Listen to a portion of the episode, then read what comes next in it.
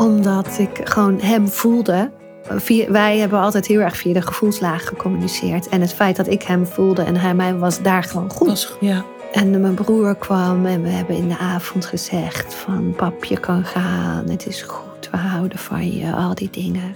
Heb je pijn? En dan kon hij nog net nee schudden.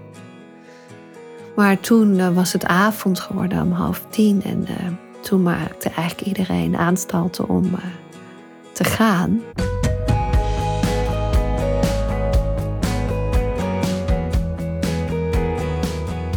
Je partner overlijdt.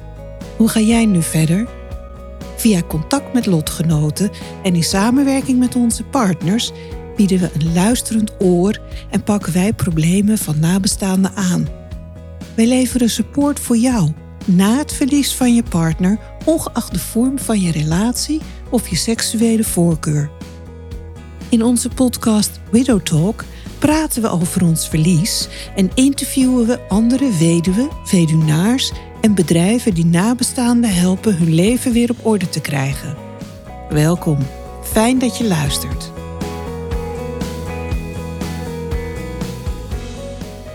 Welkom bij deze derde aflevering van de podcast Widow Talk van widowsandwidowers.nl. We zijn er weer en we hebben te gast Anne Goosensen.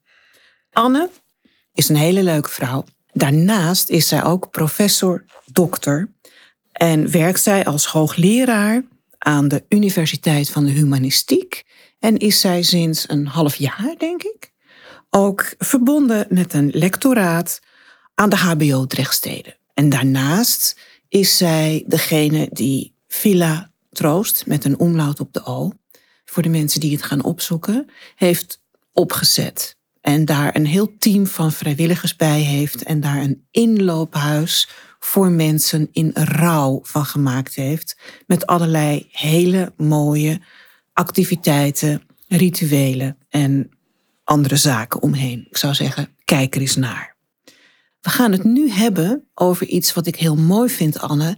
Wat we samen gedaan hebben toen wij met jou een evenement organiseerden over iets creëren met dierbare kleding. Toen heb jij even iets verteld over de villa en jouw werk. En toen ging het ook over deep listening. Of wat we in goed Nederlands noemen luisteren met aandacht. En dat maakte zo'n aandacht op een paar van de weduwen die aanwezig waren, dat ze helemaal niet meer terug wilden naar de werkplaats om te werken met dierbare kleding. Maar ze begonnen te merken hoe mooi het is om echt naar elkaar te luisteren en aandacht te hebben voor de ander. En wat dat dan ook doet met jezelf als er naar je geluisterd wordt, in plaats van dat mensen denken van ja, oké, dat is nu wel genoeg gepraat over die overleden echtgenoot van jou. Kunnen we het niet ergens anders over hebben?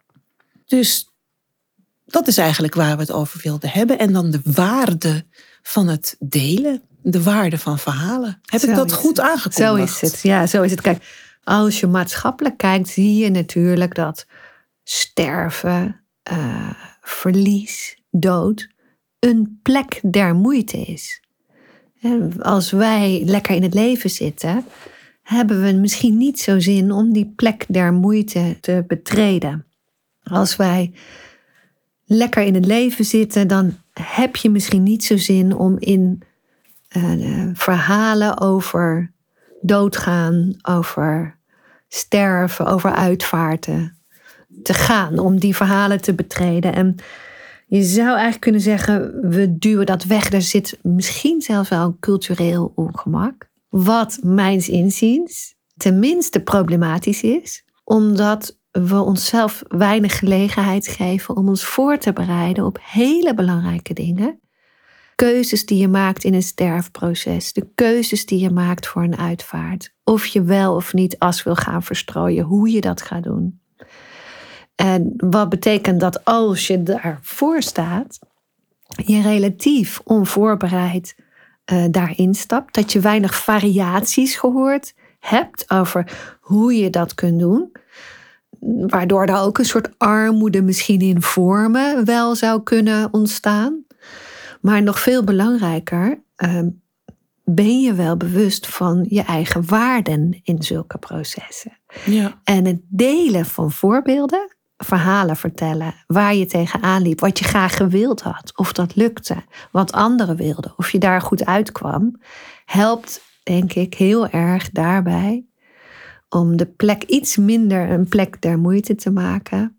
En om onszelf met mooie en betekenisvolle voorbeelden te voorzien, waardoor we uh, ons kunnen voorbereiden op uh, wat cruciale uh, ervaringen gaan zijn in afscheidsprocessen. Ja, en ik denk dat het vertellen van het verhaal en het idee hebben dat dat ontvangen wordt met een open oor, dat dat ook maakt dat je jezelf wat beter voelt.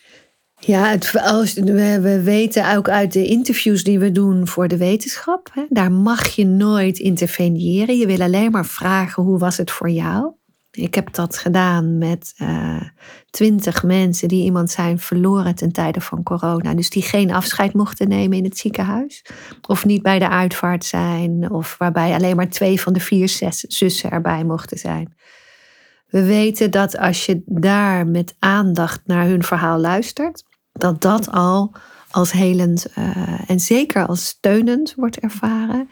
Je bouwt als het ware een kokon om iemand heen van geborgenheid, waarbij de ander ook nog beter kan articuleren. Dus zelfs op woorden kan komen. Dus meer uit kan drukken van Ja. de ervaring tot dan toe. Dus verhalen, luisteren en een plek der moeite. Ik ben heel benieuwd eh, wat jij bijvoorbeeld hebt meegemaakt, wat je op dit vlak zou kunnen delen. Jeetje, gaat het opeens over mij? Ik ging jou toch interviewen? Ehm, ja, wat ik heb gemerkt. ehm, en dan moet je altijd afvragen: is dat echt zo? Of is dat wat je je dan in je, in je hoofd haalt? Is dat eh, je man overlijdt, eh, toch relatief plotseling eh, bij ons, na een open hartoperatie. Waarvan ik nooit verwacht had dat hij niet wakker zou worden. Dat is ook nooit zo met ons besproken. Van het is heel risicovol. Misschien had ik dat tussen de regels door moeten lezen. Kijkend naar het feit dat hij drieënhalve week al in het ziekenhuis had gelegen, gestabiliseerd moest worden. Dat bleek dat hij nog maar 26% hartcapaciteit had en allerlei andere problematieken. Maar daar heb ik niet over nagedacht. Als iemand eh, eh, fris en fruitig, voor zover dat kan, naar een open hartoperatie, daaruit wakker zou worden, was het eh Philip. The world is my oyster, zeiden mensen altijd over Philip. En larger than life. En dat was heel leuk. En af en toe ook godsgluwend irritant natuurlijk. Hè, want dat is dan weer de, de alternatieve kant. Maar dat was volstrekt onverwacht. Daar waren we echt niet op voorbereid. Ik niet, de kinderen niet, de vrienden niet. Niemand. Zijn laatste appje was in de familie-app. En eh, daarin, nou, ik word er gewoon emotioneel Ja. van. Tuurlijk. Maar daarin zei hij: Ik ga naar beneden of naar boven, weet ik veel. Maar hij, ik ga nu weg. Ze rijden me nu weg. En eh, ik spreek jullie later. En ik hou van jullie. En dat zei hij nooit. Hij sprak dat nooit uit. Dus ik denk, is dat nou toeval? Dat ook de kinderen dat gesproken, dat, dat, dat, het was niet gesproken, het was getypt, maar dat appje hebben, waarin hun vader zegt, ik hou van je. En zo ondertekende hij zijn appjes nooit en zijn gesproken woord eigenlijk ook niet. Hij zal het ongetwijfeld heel veel gedacht hebben. Want ik weet dat hij heel veel van de kinderen hield. En ik ga er ook vanuit dat hij veel van mij hield. Maar ja, een huwelijk van 25 jaar, daar zitten af en toe wat butsen en wat hobbels en nou ja, toppen en dalen in. En eh, laten we zeggen dat wij in die laatste fase toch ook wel in een dal zitten. Dus dat maakt het allemaal extra rauw. Maar hoe bijzonder is het dan om dat berichtje te hebben voor mij? Maar ik gun het vooral mijn kinderen ook zo. En dan denk ik, bestaat toeval? Nee, ik roep altijd toeval bestaat niet. Dus hoe bijzonder is dat? En wat voelde hij en wat wist hij? Terwijl alle spullen om te gaan revalideren na zo'n open hartoperatie. Zo'n zitje voor in je, in je rug in bed, omdat dat met zo'n doorgesneden borstkast natuurlijk allemaal niet zo lekker zit. Wat ik dan noem de oude mannenpyjama's. Met de, de jasjes met de, met de knopen. Alles lag al in huis. Alles had hij al besteld. Voor die fase. Dus hij was echt wel bezig met thuiskomen. En er weer uitkomen. En dan toch die boodschap. Ja, maar je hebt bezig en bezig. Dus je bent met je hoofd met dingen bezig. En er zit misschien een soort grotere wijsheid in ons. Die ook al dingen aanvoelt. Of... Ja. Ja. En wat ik daar, ja, daarbij gemerkt heb, is je, je, je leeft even in een soort vacuüm. Iedereen komt van allerlei hulp aanbieden. En van de een kan je het heel goed hebben. En van de ander kan je het helemaal niet hebben. En van de een merk je, ja, volgens mij ben je alleen maar een thrill seeker. Wil je gewoon weten wat er gebeurt, zodat jij weer het middelpunt bent om het verhaal door te vertellen. En bij de ander denk je, dit is, dit is fijn, dit voelt, voelt goed, dit is authentiek. En misschien dat ik sommige mensen daarin helemaal verkeerd beoordeeld heb. Maar ik denk dat dat helemaal niet relevant is. Het gaat erom hoe kwam het bij mij binnen en wat deed ik ermee. Ja, want welke keuzes heb jij bijvoorbeeld gemaakt toen je dat bericht kreeg? Was jij in het ziekenhuis? Heb je toen de kinderen erbij gevraagd? Ik bedoel, ja. dat zijn die momenten die. Ja, nou, Filip is niet bijgekomen uit de operatie, uh, de open hartoperatie. Ik heb zelf het idee dat hij eigenlijk al dood was. Want ja, als je hart het niet doet, en alle lijntjes op die monitoren die zijn uh, vlak. Volgens mij ben je er dan niet meer. Maar mij werd gezegd, hij wordt kunstmatig in leven gehouden met een externe hart-longmachine. Dus we zijn toen allemaal daar naartoe gegaan. Hebben gepraat met de dokter. Ik ben iemand die toch wel graag percentages wil uh, weten. Dus ik zei: Oké, hoeveel procent kans is er dan dat hij uh, het haalt? En dat was eerst 50 procent en dat werd steeds minder. Maar nogmaals, ik geloofde in de overwinningskracht van Philip op het leven. Dus natuurlijk zou hij eruit komen, ongeacht het percentage. En op een gegeven moment, het was al aardig in de nacht. Volgens mij had ik de kinderen al naar huis gestuurd. werd tegen mij gezegd: ga naar huis. En ik had ook al wat vrienden daar. Het was COVID, maar ja, waar een Willis is een weg. Dus ik had ook al wat vrienden daar gehad die hem hadden gezien na de operatie. En ze zeiden: ga naar huis, want je gaat hier zelf van onderdoor. En als er wat gebeurt vannacht, dan laten we het je weten. En toen werd ik, denk om een of vijf, werd ik gebeld. Het gaat niet goed. Er is van alles aan het uh, stollen. Zijn hart is aan het stollen. Ik, ik denk dat het goed is dat je komt, want het lichaam is het aan het opgeven. Wat? Wat? Hoe dan? Waarom? Hoe kan dit? Kinderen wakker gemaakt en met z'n allen er naartoe. Situatie besproken met de arts. En uh, toen heb ik gezegd, ja, COVID kan, uh, kan de pot op. Als wij nu echt afscheid van hem moeten nemen. Want dan moet je zelf beslissen om de knop om te zetten. Nou had ik eigenlijk geen keus, omdat het lichaam het al besloot. Maar ik moest er dan wel mee instemmen. En dat is een heel raar gevoel. Een, het is een beslissing die je eigenlijk niet wil nemen. Aan de andere kant kan je zeggen, doordat ik hem kon nemen, kon, kon ik er zijn, konden de kinderen er zijn, had ik daar nog familieleden en wat hele dierbare vrienden uh, bij me. Dus we hebben, ik denk dat we met wel tien man om dat bed hebben gestaan en toen afscheid uh, hebben genomen. En enerzijds is dat verschrikkelijk en anderzijds is het ook heel dierbaar. Ook heel dierbaar dat ik die mensen gewoon bel om half zes ochtends. En dat ze allemaal in de auto springen en komen. Niet te geloven. Je hebt echt in een paar minuten heb je gewoon de 180 graden draai moeten maken. Exact. Van leven naar gaat niet meer lukken. Ja, ja, ja. En nou, nou, zag ik hem natuurlijk wel de hele tijd liggen in een uiterst onnatuurlijke houding. Met, met van zo'n ding in zijn mond. En, en, en, en zo'n groot apparaat wat dan het bloed doorstroomt en, en adem en zijn longen vol pompt. Maar uh, ja, Hoe vaak komen mensen niet bij uit een coma? Nee.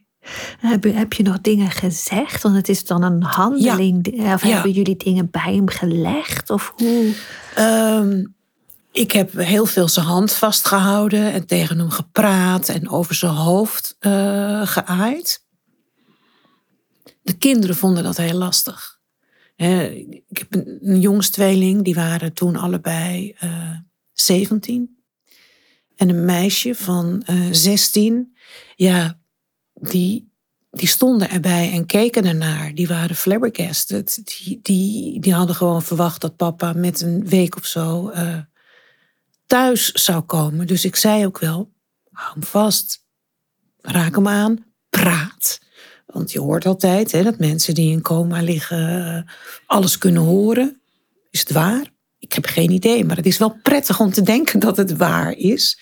Dus ik zei: praat tegen hem, zeg wat tegen hem. Nou ja, ik was 56. Dan doe je dingen, denk ik, wat makkelijker dan wanneer je 16 of 17 bent. Maar ze hebben het wel eh, gedaan en ze zijn er ook continu bijgebleven.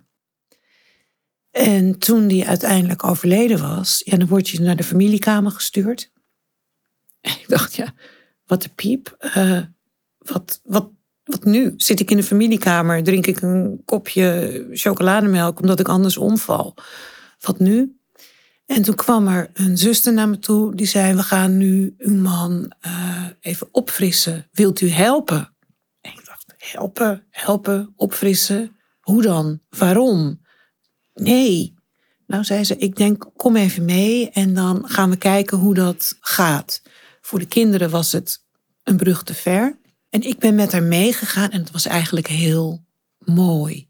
Het was echt gewoon even zijn gezicht uh, sponsen en zijn schouders en zijn oksels en de borst. Gewoon oppervlakkig. Maar dat, dat is voor mij heel belangrijk geweest. En had een hele lekkere aftershave. Zo'n aftershave, als ik die ruik op straat, dan maakt me niet uit wie het is. Woppa, ik loop erachteraan. En dan zeg ik, oh, is dit uh, Tom Ford? Is dit... Uh, ombre leather. Ja, zeg ik, oh, zo lekker, mag ik even ruiken? Wild vreemde, hè, maakt me niet uit. En dan ben ik weer weg. En denk, oh, heerlijk. Nou goed, even een, een zijweggetje. Maar die had Philip ook en die heb ik hem opgedaan. En zodat ik nog even dicht bij hem kon staan, los van alles. En misschien ook dat dal waar we in zaten nog even willen overbruggen. Ja, toen ben ik weggegaan. En toen naar de familiekamer en dan moet je uh, de begrafenis gaan regelen. Maar ik weet ook dat um, de uitvaartondernemer mij vroeg, want hij is thuis opgebaard. Hij heeft een, bijna een week bij ons in de kelder uh, gelegen. En uh, in, de, in, de, in de nou ja, we noemden dat onze home cinema in de huisbioscoop, zeg maar. Wat, wat onze favoriete ruimte was. En dat was heel mooi. Hele mooie, warme ruimte. Fantastisch. En um, er werd mij gevraagd, wil je me helpen om aan te kleden zoals hij in de kist gaat? Toen dacht ik, jemig, man van 130 kilo en dan moet ik dan helpen aankleden. En wat doen we hem aan? En jij zegt, wat zijn keuzes die je gemaakt hebt? Philip was een man die liep altijd in een korte broek. Maakte niet uit of het nou hartje zomer was of hartje winter. Hij liep altijd in een korte broek. En um, wij hadden besloten dat hij in een korte broek begraven, nou gecremeerd zou worden. Maar we hadden, dat was ook de dresscode voor de mannen. korte broek. dus um, ik heb een, een, een, een mooie, vrolijke korte broek voor hem uitgezocht en een goed shirt. Maar hij moest toch ook wel een jasje aan. Ik dacht, ja, we doen hem een beetje in feestmode. En hij had ook van die, van die hele gave zilveren uh, United Nude schoenen. Dus die had ik uitgekozen en een paar jasjes en overhemden meegenomen. En ik werd geholpen door een fantastische meneer die dat zo ontzettend respectvol deed. Ook dat het shirt op zijn rug niet uh, met een knoopje of uh, hoe noem je dat, met een kreukel zou liggen, omdat dat niet lekker ligt. En er werd helemaal rekening mee gehouden. En natuurlijk is het heel ongemakkelijk als je dan zo groot, ja, sorry Philip, maar dik eh, zwaar lichaam helemaal moet manoeuvreren om te kijken of je in één stuk zo'n overhemd aan kan doen en een ondershirt en dat jasje. Dus niet alles ging helemaal heen, heel om het uh, lichaam heen. Maar het was een heel mooi proces. En ik vond het vooral ook heel prettig om te zien hoe respectvol die meneer wiens werk het eigenlijk is om zo'n ja, overledene uh, klaar te maken en mooi te maken, hoe respectvol dat was. En het heeft mij ook heel erg geholpen. Dat ik weet dat ik er alles aan gedaan heb, binnen mijn macht, om hem zo fraai mogelijk en zo authentiek mogelijk daar in die, in die mooie kist te leggen. We hadden een paarse kist met oranje handvatten. Ja, dat was heel mooi. is toch niet en daar werd ik dan ook wel weer blij van. Ja, niet te geloven. Ja. Als je seks zou zeggen, je man overlijdt zonder dat je het aan ziet komen. En dan moet je dus allerlei dingen gaan regelen. En eh, dat, dat er dus mooie kanten zitten aan. Ja. En dan denk ik recht doen aan wie hij was. Ja. dat je echt naar die basis wordt teruggegooid van wie was hij en hoe kunnen we dit eervol. Nou, dat, dat hebben we gedaan. We hadden een soort Herman Broodachtig beschilderde uh, ja, lijkauto, noem ik het even. Ik weet niet wat het andere woord ervoor is, maar ja, dat was een kunststuk op zich. Dus ik heb ook foto's. We hebben heel veel foto's laten maken. Dat zou ik zelf nooit gedaan hebben. Maar de uitvaartondernemer Ide Hoorn zei: laat gewoon alles vastleggen op foto. En wat je niet, dus ook het ritueel thuis. Niet alle bezoek die geweest is, maar wel um, Philip voor de laatste keer uit huis helpen. En uh, vanaf dat moment.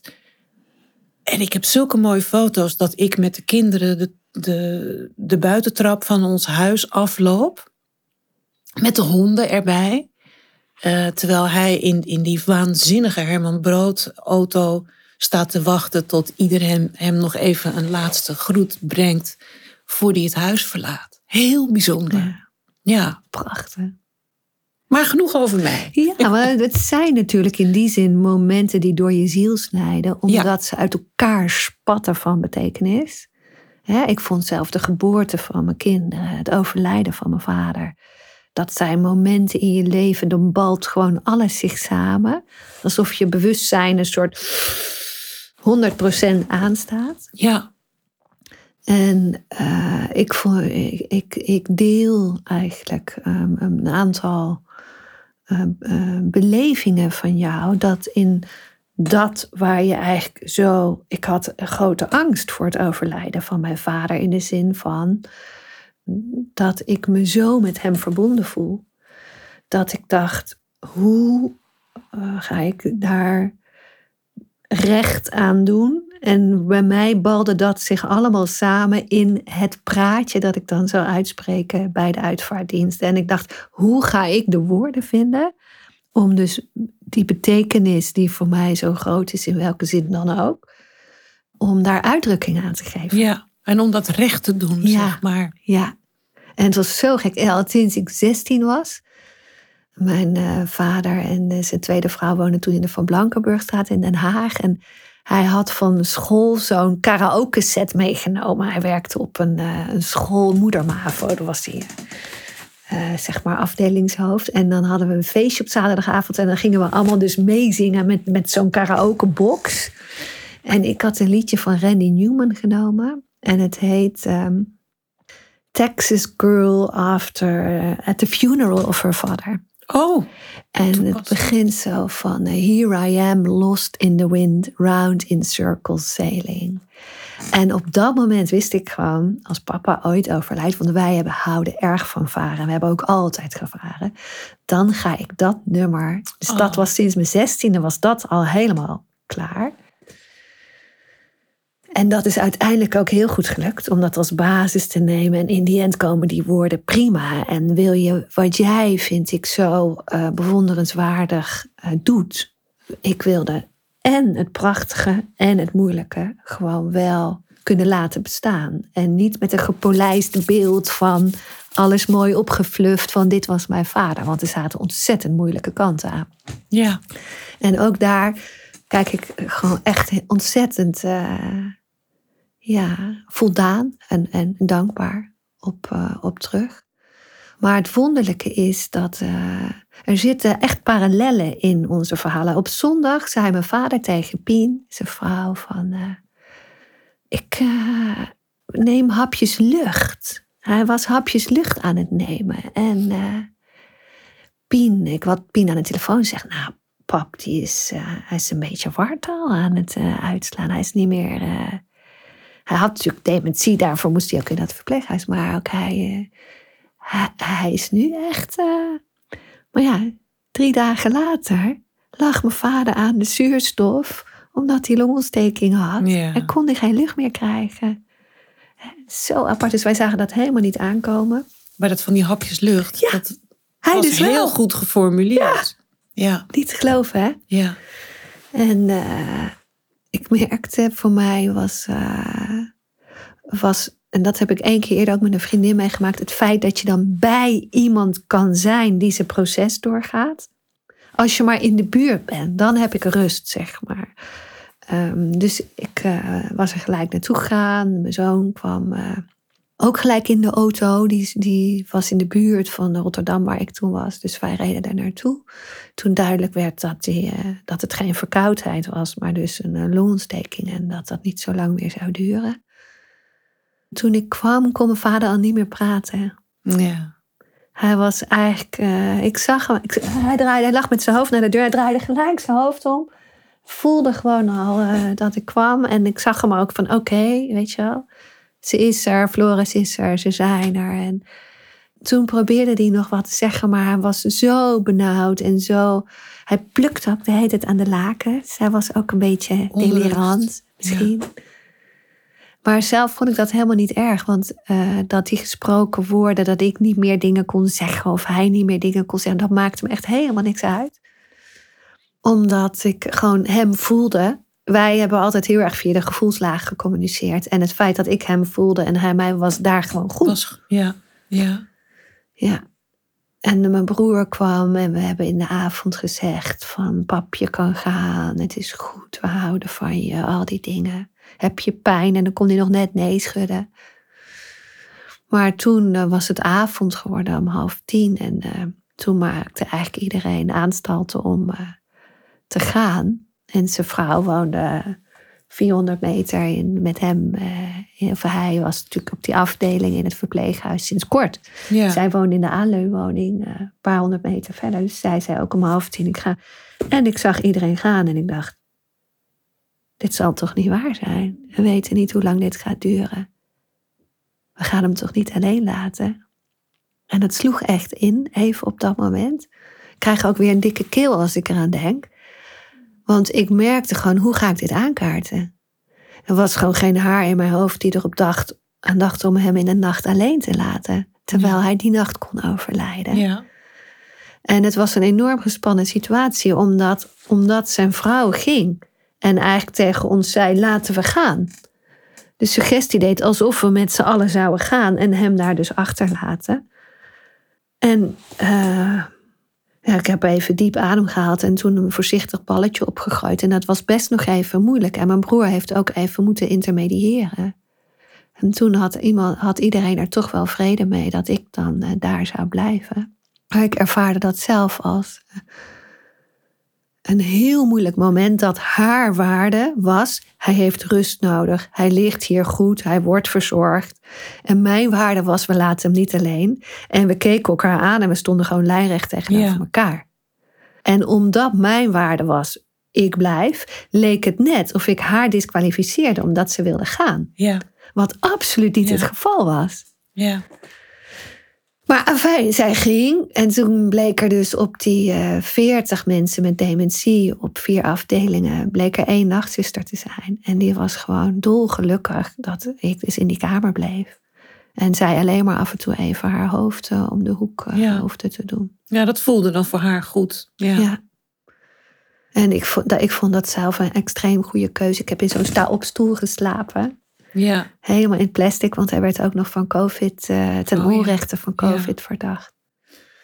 Maar eh, kijk, dit- zo'n moment had ook anders af kunnen lopen. Hè? Als Pien of ik iets trotser of gekwetster of stugger waren geweest. En wij hebben nog een flink aantal van zulke soort momenten gehad. Want ik wilde ook graag foto's laten nemen. Dat was ook, ja, vonden ze ook eigenlijk gewoon een brug te ver. Terwijl nu heb ik prachtige foto's, wat jij zegt, Ja. Van zo'n samengebracht moment in je leven. Ja.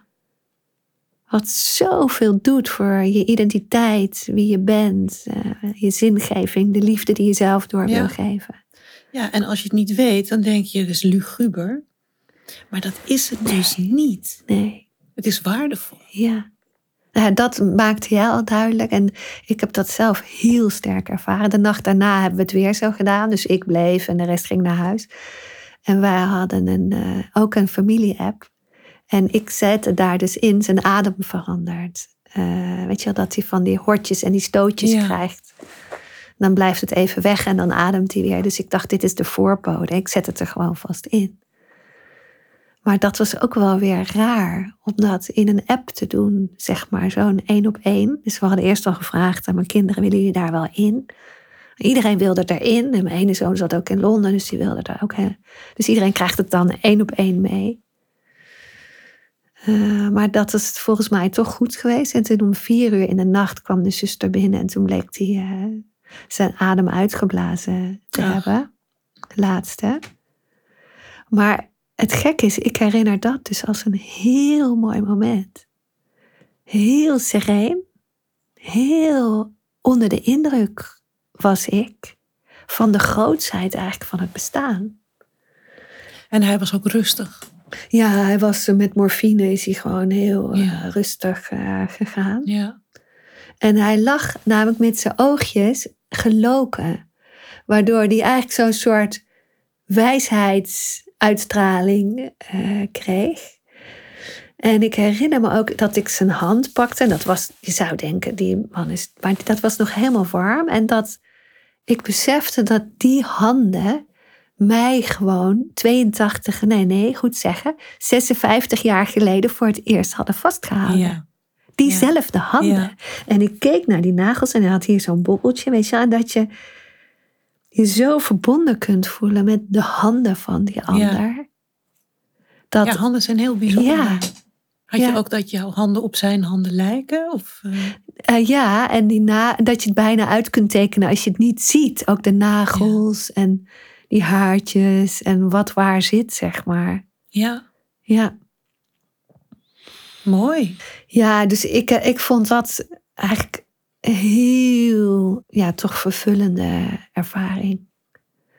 Ja, Ja, en dat zijn dingen waar mensen ook voor kunnen weglopen. Ja, Ik ben zelf bij mijn moeder gebleven gedurende de nacht terwijl ze op sterven lag. En ik vond het enerzijds heel eng. En anderzijds wist ik, dit moet ik doen. Dan waren we ook drie weken op vakantie geweest met een camper door Amerika waar we niet bereikbaar waren. En toen we net in Zwitserland waren, waar we wel bereikbaar waren, werd ik gebeld. Je moeder ligt op sterven. Hup er naartoe. Kom mijn broer even naar huis en dan kon ik bij mijn moeder slapen. En de volgende dag zou mijn gezin komen en mijn broer weer. En ik ben zo blij dat ik die nacht daar gelegen heb. Terwijl op dat moment dacht ik, mijn hemel, iedere ademhaling vroeg ik me af of ze zou gaan. Er liep een totaal verwarde meneer in een grote luier, verder naakt, op de gang, op de deur te bonken. Want wij waren de enige kamer waar nog licht brandde. Dus ik voelde me heel, heel uitermate onveilig en angstig. Want wat gebeurt er als de dood de kamer binnenkomt? En toch was het heel mooi. En de dood is die nacht de kamer niet binnengekomen. Dat kwam op het moment dat we allemaal samen waren. ja. Eh, toch alsof je een soort gegrepen wordt door het mysterie Ja. van leven en dood. En Ja. dat er dan iets groots voelbaar wordt. Hè, wat, wat eigenlijk heel veel ook wel respect en eh, Ja. afdwingt. En Ja. liefde Ja. voelbaar maakt. Ja, Ik, vond, ik vond zelf, ik dacht het is gewoon een wonder. Dit lichaam, deze geest, zitten vol van herinneringen, ervaringen, 22 jaar dingen meegemaakt. En nu stopt het. Ja. Ik vond het zo gek. ja, dat is bizar. Dat is dan niet te bevatten. Nee, Waarom hij, waarom dan? Ja. Ja, En oké, weet je wel. Ik, mijn vader was 82, zat drie maanden op gesloten afdeling voor mensen met dementie. Had daar geen zin in. Had gezegd, ik wil lid worden van de vereniging om een einde te maken aan mijn leven. Dus dan heb je natuurlijk wel wat meer vrede Exact. dan wanneer het een- Ja. een kind van mij zou zijn. Hè? tuurlijk. Allah. Ja. Maar dat maakt het verdriet niet minder. Nee. nee. Nee. Mooi. Dankjewel voor het delen. Nou, we zouden nog uren kunnen volpraten. Dat gaan we ook doen. Op een ander moment, denk ik. Ik denk dat eh, mensen die hiernaar luisteren... eh, al heel veel hebben door onze verhalen. Jouw verhaal, mijn verhaal. Om zelf eens even na te denken over hun eigen verhaal. En als er nou mensen zijn die deze podcast beluisteren en denken, ik zou mijn verhaal ook wel eens willen delen en eh, met anderen, eh, neem vooral contact met ons op op marianne@widowsforwidows.com, zodat we kunnen kijken of we hier iets mee kunnen. Want ik heb het idee, Anne, dat wij hier iets hebben waar mensen ook echt baat bij kunnen hebben. Ja.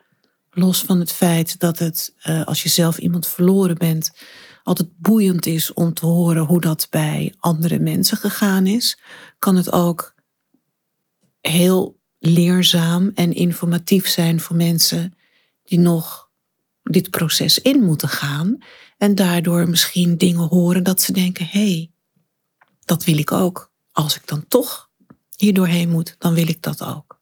Dankjewel, Anne. Ik vond het wederom heel prettig met jou om in deze ruimte bij Bob van der Houven de podcast te maken. En eh, ik wil alle luisteraars bedanken.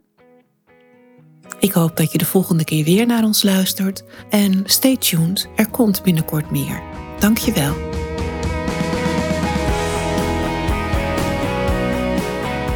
Dank voor het luisteren naar deze aflevering van Widow Talk. Als je meer wil weten, ga naar de website widowsandwidowers.nl of klik op de link in de show notes.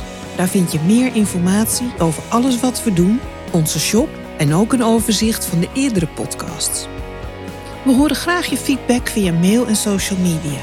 Stay tuned, tot de volgende keer.